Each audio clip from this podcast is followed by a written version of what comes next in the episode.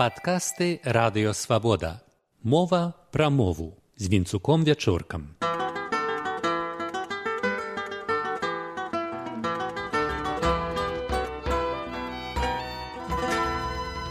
Вітаю шаноўнае спадарства.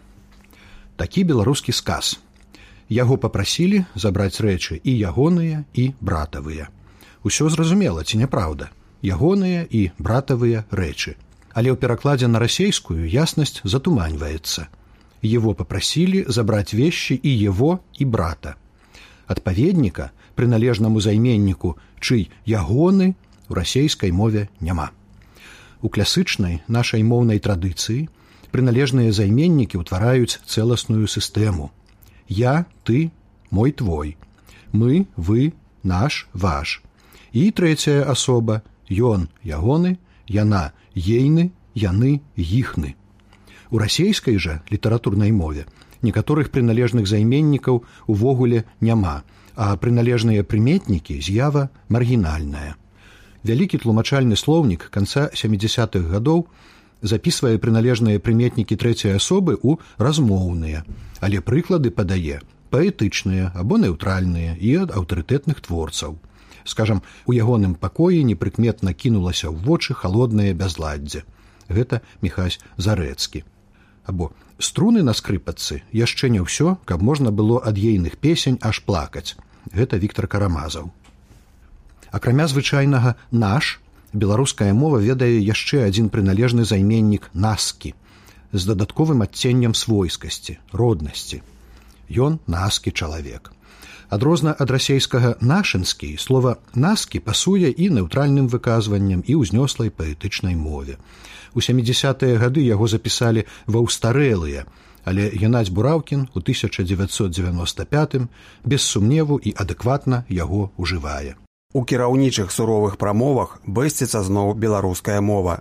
Быццам бы наскія словы няздатны выказаць талент і розум выдатны Значэнне прыналежнасці маюць і адказваюць на пытанне чый шматлікія прыметнікі, якія тэарэтычна можна ўтварыць амаль ад кожнага назоўніка, а пагатоў імя. Сынаў заплечнік, бацькава воля, Васілёва калекцыя. Дарэчы, коласавы паэмы, мехасёвы прыгоды і рыбакова хата у расійскіх перакладах называюцца приключения мехася і дом рыбака. Такім чынам ад словаў у тым ліку імёнаў мужчынскага роду прыналежныя прыметнікі ўтвараюцца суфіксам оў альбо аў ёў еў калі ровар належыць хлопчыку жэню ён жэняў а жэнін ровар будзе ў дзяўчынкі жэні. Адпаведна скарынавы старадрукі скарынаўская традыцыя не скарынінская скарынаўскі праспект калі да гэтага зноў дойдзем у менску прыналежныя прыметнікі ў нашай мове ўсюды існыя. Напрыклад у назвах ступеняў сваяцтва для жанчын братавая дзядзіна. У фразеалягізмах чортава племя чортава баба. У фальклоры казка зайкава хатка у тым ліку ў калядных і шчадроўскіх песнях пара якіх неўзабаве наступіць. Бацькава дачка ясна панначка ці хрыстова раджэння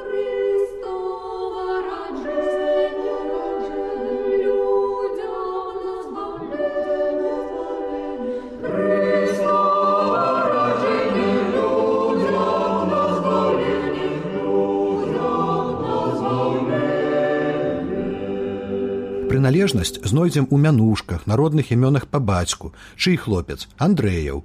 І па маці. Алесін у алесі лявонішын у лявоніхі андрусішын у андрусіхі.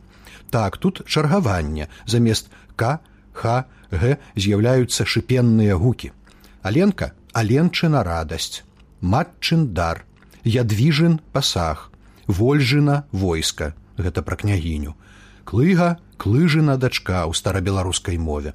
У продкаў жаночыя найменні паводле бацькі і мужа грунтоўна і прыгожа нанізваюцца адно за другім, не раўнуючы каралі. Таміла Стафановна Лускіянка Іванавая Грыгоровича гутаравая, судзінная былая гродская віцебская. Калі тапонімы захоўваюць у сваім складзе прыналежны прыметнік, яны чытаюцца больш вобразна.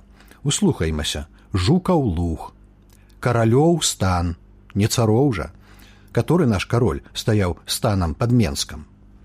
былы амбасадар злучаных штатаў джордж крол што сам выдатна вывучыў беларускую мову і ўсім в амбасадзе загадаў зваў сваю рэзідэнцыю кролава хата Нямала назваў паселішчаў утварыліся як прыналежныя прыметнікі, чый горад, дом, хутар, шляхоцкі засценак, тураў, крычаў, янаў, ад якога цяпер засталася толькі назва чыгуначнай станцыі янаў палескі, а горад перайменавалі ў Іванова.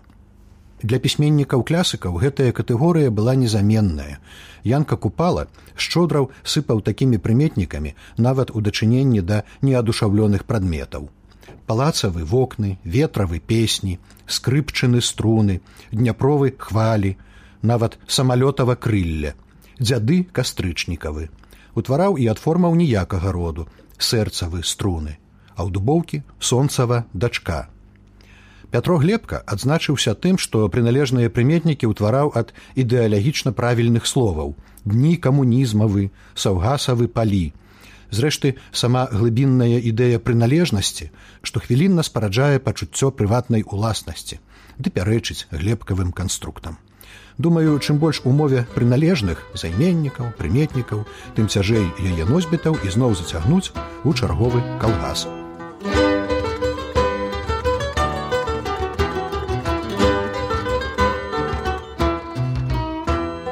Вярнуся да прыналежных словаў прыметнікаў накшталт брата ў дом і займеннікаў кшталту ягоны. Прыкладам адчуў гэтую асаблівасць беларускай мовы былы амбасадар злучаных штатаў Джордж Крол, што сам выдатна яе вывучыў і ўсім в амбасадзе загадаў. Зрэшты ён ведае і некалькі іншых славянскіх. Вось жа ён назваў быў сваю рэзідэнцыю кролава хата. Ці ёсць такія формы ў суседзяў. Кожны ўспомніць Федорі на горе, ці перададзеныя па-расейску антычныя авгіевы канюшні пра крустава ложа. У слоўніку даля знойдзем прыналежныя займеннікі евойны, ейны, еін, гэта цвершчына і сыбір. Але ў сучаснай расійскай літаратурнай мове такія займеннікі немагчымыя. Прыналежныя ж прыметнікі на ов у некалькіх застылых выразах, прыналежныя на ін, як свецін колін у гутарковай мове. У выніку там узнікла праблема нанізвання роднага склону назоўнікаў. Дом племянніка жаны кучера брата доктара. А вось у беларускай мове заўсёды можна ўставіць прыналежны прыметнік доктаравага брата, братавага фурмана, фурманавай жонкі. Чаму так сталася? Славуты расійскі лінгвіст Віктор Вінаградаў яшчэ ў 1940-е гады меркаваў. Суфікс of ef які перадае прыналежнасць адной пэўнай істоце у кніжных стылях літаратурнай мовы згасае. Нязручнасць прыналежных на оф палягае на тым, што яны паказваюць на прыналежнасць толькі адзінкавай асобе і не могуць пазначаць множнага ўладальніка. Вінаградаў таксама адзначыў, што суфікс ов, ев замацаваўся ў расійскіх прозвішчах. Але ж галоўнае, маўляў, катэгорыя прыналежнасці ў мове суседзяў сцерлася, бо такім спосабам не перадасі калектыўную прыналежнасць. Ёсць спакуса патлумачыць розныя шляхі суседніх моваў менталітэтам. Індывідуалісту і хутаранцу беларусу абазначаць у мове прыватную прыналежнасць жыццёва важна, а чальцу расейскай абшчыны не абавязкова. Але ж прыналежных прыметнікаў і займеннікаў няма ў літоўскай, і ў польскай літаратурнай мове яны існуюць вельмі лакальна. Хаця далей на поўдзень у чэшскай і славацкай прыналежныя прыметнікі ўжываюцца шырока, падобна як у беларускай. Прыналежныя займеннікі трэцяй асобы, ягоны ейны ёсць у сербалужыцкіх, але ў польскай мове яны служаць прыкметаю так званай пальшчызны крэсовай, польскай мовы жыхароў Беларусі, літвы, ладгаліі знакаміты міжваенны аўтар польскамоўных дэтэктываў пра заходнебеларускіх кантрабандыстаў. Сергей пясецкі устаўляў словы накшталт ейны для мясцовага калярыту. Але такіх словаў няма нават у тутэйшага адама міцкевіча. Пачатак пана тадэвуша пяты восьмы радкі у перакладзе браніслава тарашкевіча паненка што ясну бароніш гару чанстаховы і свеціш у вострай у браме што горад замковы бароніш наваградскі з верным ягоным жалюдам параўнай міцкевіча в арыгінал Panno święta, co jasnej bronisz Częstochowy i w ostrej świecisz bramie, ty co gród zamkowy, nowogródzki ochraniasz z jego wiernym ludem. Або з быліцы чацвертай. Конь Тадеуша в стайні чекал осьодланий, Пераклад Браніслава Тарашкевіча. Тадеєвы конь жа у стайні чакаў асядланы. Карацей, прыналежныя прыметнікі і займеннікі адрозніваюць нашу мову ад усіх суседскіх. Гэта наш рэсурс, іх варта ўжываць. Традыцыю называць паселішча паводле першапасяленца ці ўласніка перанеслі на новаадкрытыя землі і моры, называючы іх імем адкрывальніка ці ў гонар выдатнай асобы. У такіх назвах расейскай геаграфічнай тэрміналогіі няма сістэмнасці. Баренцева, Берингова, море, Бафінов заліў, Гудзонов праліў, але море Бафорта, остров Врангеля, заліў Амундсена, басейн Фокса. Недарэчна пераносіць гэтую словаўтваральную блытаніну ў нашую мову. Адпаведна духу і традыцыям беларускай мовы мае быць Бафортава, Росава, Дзюрвілева, мора, Амундсенава затока, Урангеляў востраў ці выспа. Дарэчы, калі пра выспы у ціхім акіяне велікодная выспа, не пасхі. Тое самае пра адыменныя тэхнічныя і навуковыя тэрміны. Па-расейску Евклідава і Фарадзеева прастранства, Ньютонова жидкасць, жартоўныя піфагоравы штаны, але теорема Евкліда, теорема Піфагора, законы Ньютона.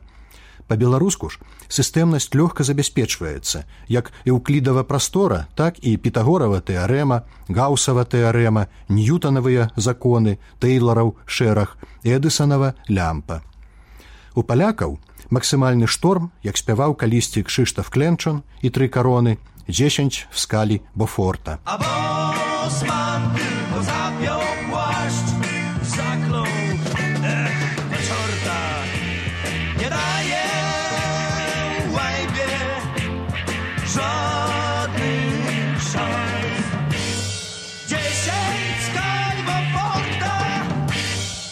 А ў нас Бафортава шкала сілы ветру. З вами быў Венцук Вячорка.